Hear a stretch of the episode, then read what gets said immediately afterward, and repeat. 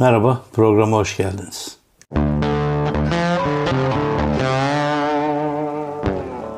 Bugün 15 Temmuz sonrasından e, biraz bahsedeceğim. 15 sonrası, Temmuz sonrası generallerin neler yaptığından e, bunlardan biraz bahsedeceğim.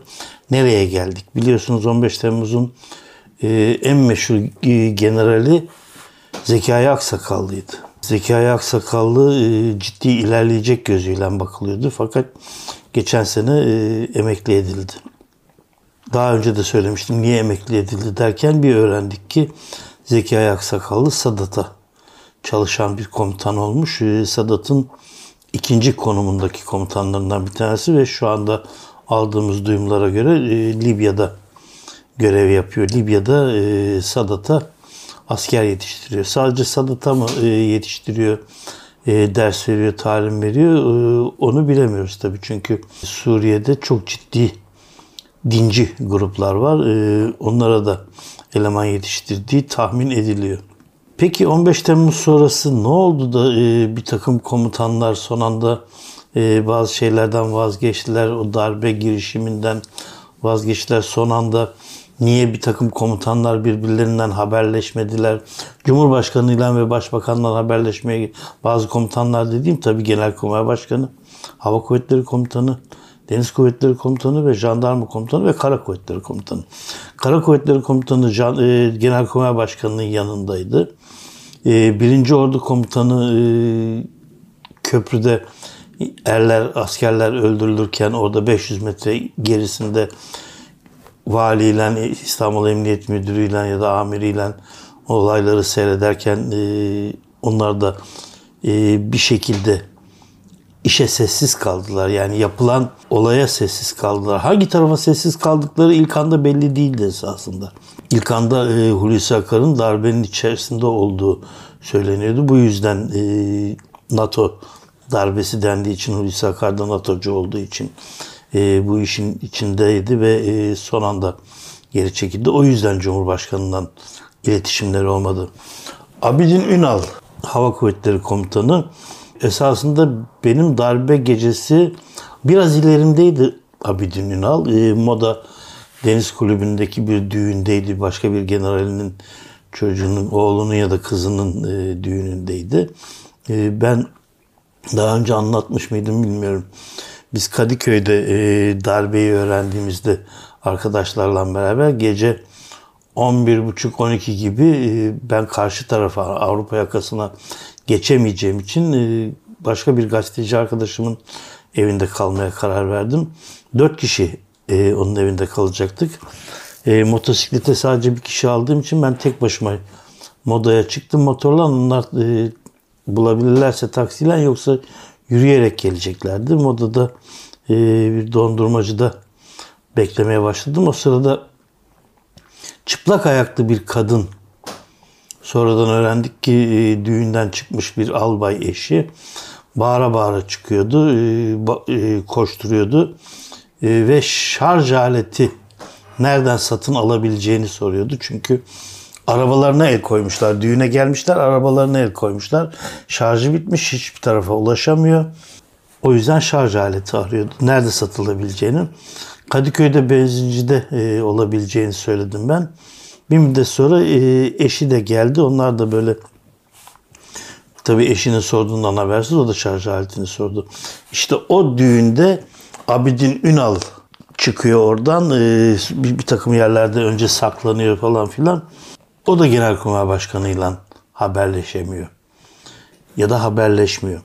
E, biliyorsunuz Abidin Ünal'ın e, darbe öncesi e, gece bu çocukların çok işi var dediği bil, biliniyor. Yormayın çocukları gece onlar lazım dediği biliniyor gündüzden. Ve Erdoğan'la daha önce görüşmede bulunduğu, Erdoğan'ın tatil yaptığı yerde görüşmede bulunduğu da biliniyor. Şimdi son duyum çok ilginç. Ee, ne kadar doğru ne kadar yanlış bilmiyorum. İsviçre hesaplı e, bankalarında açılan bir takım hesaplar var iki general var. Daha çok general var ama isim olarak e, bana gelen generallerden biri Zekai Aksakallı. İsviçre'de ciddi bir hesap açılmış kendisine. İkincisi de Abidin Ünal, Hava Kuvvetleri Komutanı. O dönemin Hava Kuvvetleri Komutanı. Evet, e, o gecenin ilginç bir şeyi tabii e, bu beş komutanlardan e, beşi bir yerde dediğimiz beş kişiden sadece jandarma komutanı emekli edildi. Diğer komutanlar e, bir, sü- bir, bir yıl daha e, görevlerine devam ettiler. E, Hulusi Akar e, onlarla beraber emekli edilecek derken e, Genelkurmay Başkanlığından Milli Savunma Bakanlığı'na geçen ilk Genelkurmay Başkanı oldu ama daha ilginç bir şekilde kendisine elbise diktirdi. Şimdiye kadar hiçbir Milli Savunma Bakanı'nın giymediği bir komutanı sanki e, Genelkurmay Başkanı'nın da başkanıymış gibi e, bir edayla hem demeçler veriyor hem e, bazen yarı Dışişleri Bakanı gibi çalışıyor. Bazen e, Erdoğan'ın da komutanıymış gibi. Yani sınırda bir hareket varsa e, bütün komutanlarla beraber kendisi de oraya gidiyor. Bu ilginç e, daha da uzun süre devam edecek gibi. Dün de söylediğim gibi zaten kendisinin de e, bundan sonra iktidarı ele geçirip geçirmeyeceği üzerine e, Süleyman Soylu'yla bir yarış halindeler. İkisinin de darbe yapma planları var. Darbeyi seçim öncesi mi yaparlar, seçim sonrası bana gelen duyum seçim sonrası e, Kılıçdaroğlu kazandığı takdirde yapacakları ama e, bunun içinde e, aralarında gene bir sürtüşme olduğunu e, dün akşam söylemiştim. E, Jandarma Kuvvet e, Komutanlığı'nı yine Genelkurmay Başkanlığı'na istiyor ki Süleyman Soylu'ya e, karşı daha kuvvetli duruma gelsin. Çünkü jandarmayı çıkarttığınız zaman, sahil gü- güvenliği de çıkarttığınız zaman e, Süleyman Soylu'nun eli daha güçlü konuma geliyor. Tabii bir başka duyum daha var. E, bunu e, duyum olmaktan çıktı çünkü çok yazdılar. Erdoğan yerine Abdullah Gül'ün adaylığı söz konusu. Abdullah Gül bunu kabul eder mi? Abdullah Gül ilginç bir insan. CHP'nin daha doğrusu Saadet Partisi aday gösterip de CHP'nin de e, yoklama yaptığı dönemlerde Abdullah Gül buna hiç hayır demedi. Siz ikna olun ben ondan sonra e, evet derim gibi bir ama hepinizin ikna olması gerekir gibi bir ön koşullan geldi. CHP buna pek hazırlıklı değildi. E, Yani hiç hazırlıklı değildi. Zaten CHP içinden çok ciddi tepkiler geldi. Ama Saadet Partisi'nin oylarını kaybetmemek adına e, Kemal Kılıçdaroğlu sanki evet dermiş gibi bir e, yoklama çekti orada. Kimse yani şu anda bütün yandaş medya Abdullah Gül'ü Kemal Kılıçdaroğlu'nun seçtiğini, önerdiğini söylüyor ama bu, bunun böyle olmadığını kendileri de biliyorlar, biz de biliyoruz. Kemal Kılıçdaroğlu'nun e, Recep Tayyip Erdoğan'a karşı aday yaptığı, aday yapmak istediği bir kişi Recep Tayyip Erdoğan'ın isteğinden tekrar AKP'den aday olur mu ya da Millet e, Cumhur İttifakı'ndan aday olur mu derseniz olabilir. Çünkü bu bir aydır yazılıyor Abdullah Gül'le e, görüşüldüğü, şu- konuşulduğu ve Abdullah Gül'den hiç yalanlama gelmedi şimdiye kadar. Cu- Cumhur İttifakı'nda da Millet İttifakı'nda yaptığı taktiği uyguluyor şu anda Abdullah Gül. Dur bakalım ne olacak. Şimdi Abdullah Gül e, bu kadar kavgadan sonra Recep Tayyip Erdoğan ister mi? Ben Recep Tayyip Erdoğan'ın yerinde olsam e, gene empati yaparak söylüyorum bunu. Önüme birkaç isim getirseler içerisinde Abdullah Gül ismi de olsa ilk seçeceğim isim Abdullah Gül ismi olur. Neden derseniz çünkü AKP içerisinden çıkan iki parti şu anda Millet İttifakı'nı destekliyor. Kimler? Ali Babacan'la e, Ahmet Davutoğlu. Ve şu andaki oyları 5'len %5'len 6 arasında. Bu çok ciddi bir kayıp AKP için. Erdoğan'ın partisinden çıkan oy kaybı çok bilinen artık somut olarak bilin- bilinen bir kayıp bu. Şimdi AKP içerisinden e, Millet İttifakı'na kayan oyu Cumhurbaşkanlığı seçimlerinde almanın tek yolu Abdullah Gül'ü adayı göstermektir. E, Hulusi Akar aday olursa, Cumhurbaşkanı aday olursa Ali Babacan'ın ve Ahmet Davutoğlu'nun partisinden, tabanından kimse Hulusi Akar'a oy vermez.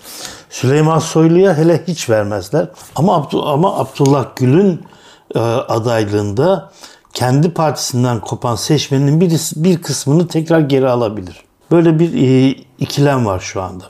Ha, diyeceksiniz ki Abdullah Gül'ün işte Süleyman Soylu'nun ya da e, Hulusi Akar'ın adaylığı nereden çıktı?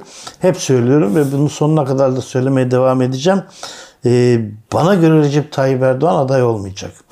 Bu sağlık sorunu söylüyorlar ama sağlık sorunundan çok e, Recep Tayyip Erdoğan dokunulmazlığını kaybetme riskini göze alamayacak. Recep Tayyip Erdoğan hem çok pimpirikli hem de ciddi bir paranoyaya e, yakalanmış. Yani dünkü hastalık, dün hastalıklarını sayarken paranoyayı saymadım. E, paranoyayı saymadım ama par- paranoya ciddi bir hastalıktır. Yani insanın öldürüleceğim korkusu. Ben, ben işte takip ediliyorum. Ben şöyle olacağım, böyle olacağım korkusu az buz bir korku değildir. O yüzden e, Abdullah Gül bana göre en güçlü adaylardan bir tanesi. E, artı AKP içerisinde artık Recep Tayyip Erdoğan'dan ciddi bir e, kurtulma e, şeyi de olduğundan belli bir, bir, bir, bir kesimde Abdullah Gül'den partiyi tekrar toparlayabileceklerine ve siyasi yaşamlarına devam edebileceklerine inanan ciddi bir kesim de var siyasi anlamda. Yani esasında Recep Tayyip Erdoğan Abdullah Gül Cumhurbaşkanlığının sonunda Kong kendi AKP kongresini yapıp da işte o 3 günlük yapmasaydı yani 3 ya da 5 günlük Recep Tayyip Erdoğan e, Abdullah Gül'ün kongre öncesi partiye üye olabilmesi olanağını sağ, sağlasaydı Abdullah Gül e, gene Recep Tayyip Erdoğan'ı eskisi kadar olmasa da biraz dizginleyen e, rollerde olacaktı. Erdoğan Cumhurbaşkanı olup e, Abdullah Gül partinin başında kalabilirdi. Aralarında çok büyük bir ikilem çıkmazdı ama tek adam olma hastalığı çok ciddi bir büyük bir hastalık ve Türkiye'de sadece Recep Tayyip Erdoğan'da olmayan e, hemen hemen bütün siyasilerde olan bir hastalık. Çünkü Türkiye'de şöyle bir şey var. Çocuklar doğuyorlar işte ilkokulda bilmem ne partisinin babaların, annelerin babalarının yani X part, partinin başkanını isim olarak tanıyorlar. Ondan sonra 20 yaşına geldiğinde hala aynı X e, insan e, partinin başında. Sonra 40 yaşına geliyorlar. O insan işte artık sürüne sürüne e, de olsa e, partinin başında ya da milletvekiline devam ediyor Deniz Baykal gibi. Yani e, gerçekten garip bir şey. Bu tek adam olma hastalığı çok büyük. Millet şey parti başkanı değişen çok fazla parti yok Türkiye'de. HDP dışında daha önce Mehmet Ali Aybar'ın e, uyguladığı bir sistem kendi partisinde bu ama Türkiye'de e, solda da sosyal demokratlarda da fazla olan bir şey değil bu. Yani bir bir böyle kafamızı e, o insana takıyoruz o insandan beraber gidiyoruz. E, tabii bunu sol adına söylemiyorum. Doğu Perinçek şimdi yani. Adam parti başkanı doğdu. Yani bana öyle geliyor yani. Bu başka türlü e, olamaz bu kadar. Bülent Ecevit. Kendisinin e, değiştirilebileceğini hissettiği anda Cumhuriyet Halk Partisi'ne geri dönmedi ve kendisinin olabileceği DSP'yi kurdu. Yoksa Bülent Ecevit'le Deniz Baykal'ın arasında siyasi olarak çok fark var mı diye sorarsanız bana göre yoktu. Yani çok ağam şahım bir fark olduğunu sanmıyorum.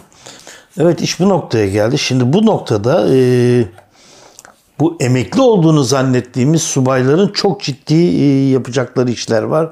Ve dediğim gibi e, en az 5-6 generale 15 Temmuz'da önemli rollerde görevlerde bulunmuş 5-6 generale İsviçre bankalarında da hesap açılmış. Şimdi Türkiye nereye gidiyor? Türkiye bir seçime gidiyor mu? E, dün anlattığım gibi seçim sonrası e, Kılıçdaroğlu başkanlığındaki iktidarı devirmek için bir curcuna yaratıp o curcunun içerisinde kendileri de birbirlerinden boğuşup Süleyman Soylu ile Hulusi Akar ciddi bir Türkiye çatışmaya girecek mi? Böyle bir şey yaşayacak mıyız? Bunları 10-15 e, gün içerisinde görmeye başlayabiliriz diye söyleyeceğim. Çünkü birdenbire e, daha yumuşarmış gibi gözüken İyi Parti çok ciddi bir şekilde e, işte HDP PKK'dir diye tekrardan açıklamalar yapmaya başladı. Kemal Kılıçdaroğlu Selahattin Demirtaş hapsedilmelidir. Niye hapiste o işte bu haksızlıktır, yanlıştır falan diye yaptıktan sonra birdenbire Kandil'i yerle bir edeceğim. Orada taş üstünde taş bırakmayacağım dedi. Bu şu anlama geliyor. Aynı o, e, bu Muharrem İnce'nin seçimler sonrası ya da referandumdan sonra işte bu 2000, 2,5 milyonluk oy zarflar mühürlü mü mühürsüz mü oylarında Genelkurmay'dan gelen bir telefondan sesinizi çıkartmayın, kabul edin gibi sanki bir telefon geldi. Türkiye'de bir takım şeyler olacak. Aman dikkat edin. Suriye ile savaşa girebiliriz. Kürtlere karşı şöyle saldırabiliriz gibi bir derin devlet telefonu sonrası e, Kemal Kılıçdaroğlu ben de Kandil'i yerlen bir ederim demiş olabilir. Çünkü e, dediğim gibi daha önce bunu e, hep söyledim.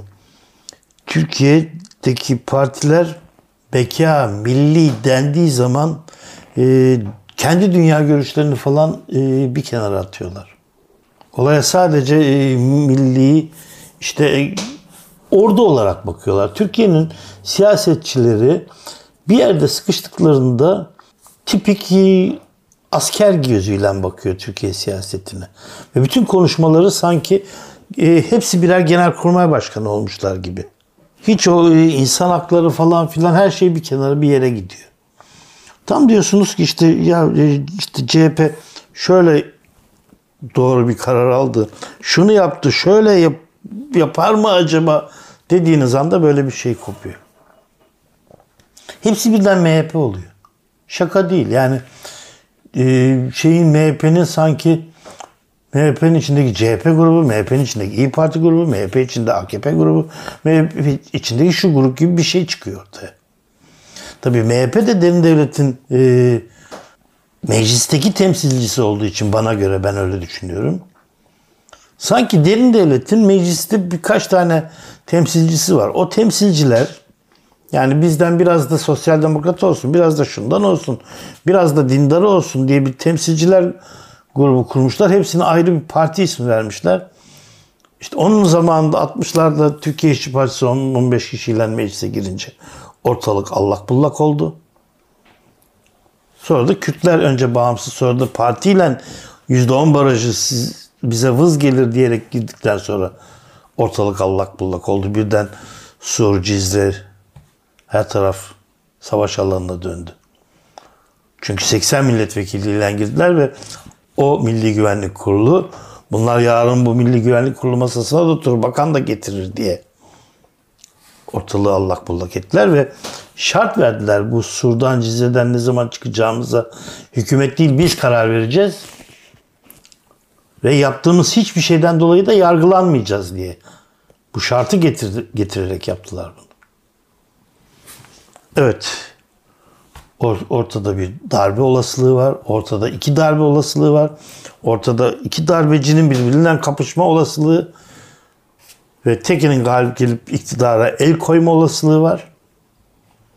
Ortada 15 Temmuz darbe girişimine karşı yapılan darbenin elemanları ve onların bir kısmına İsviçre bankalarında yattığı söylenen paralar var, hesaplar var. Türkiye'deki gazeteci arkadaşlar bir baksınlar bakalım bu aralarda e, Hulusi Akar ya da Abidin Ünal hiç İsviçre Avrupa'ya gitmişler mi? Orada bir geziye Leman Gölü'nün yan, yanında bir kahve içmişler mi? Ne bileyim ben ya da başka bir şey içmişler mi? Bilemeyeceğim artık. Evet. Bir programın daha sonuna geldik. Dün, dün için, dünkü program için ilginç bir şey söyleyeceğim. Siz programı izlediniz, benim gömleğimi mi izlediniz bilemeyeceğim ama anladığım kadarıyla eşim haklıymış galiba o gömleği ara sıra sık sık daha sık giyeceğim. Çok sık olmamakla beraber daha sık giyeceğim.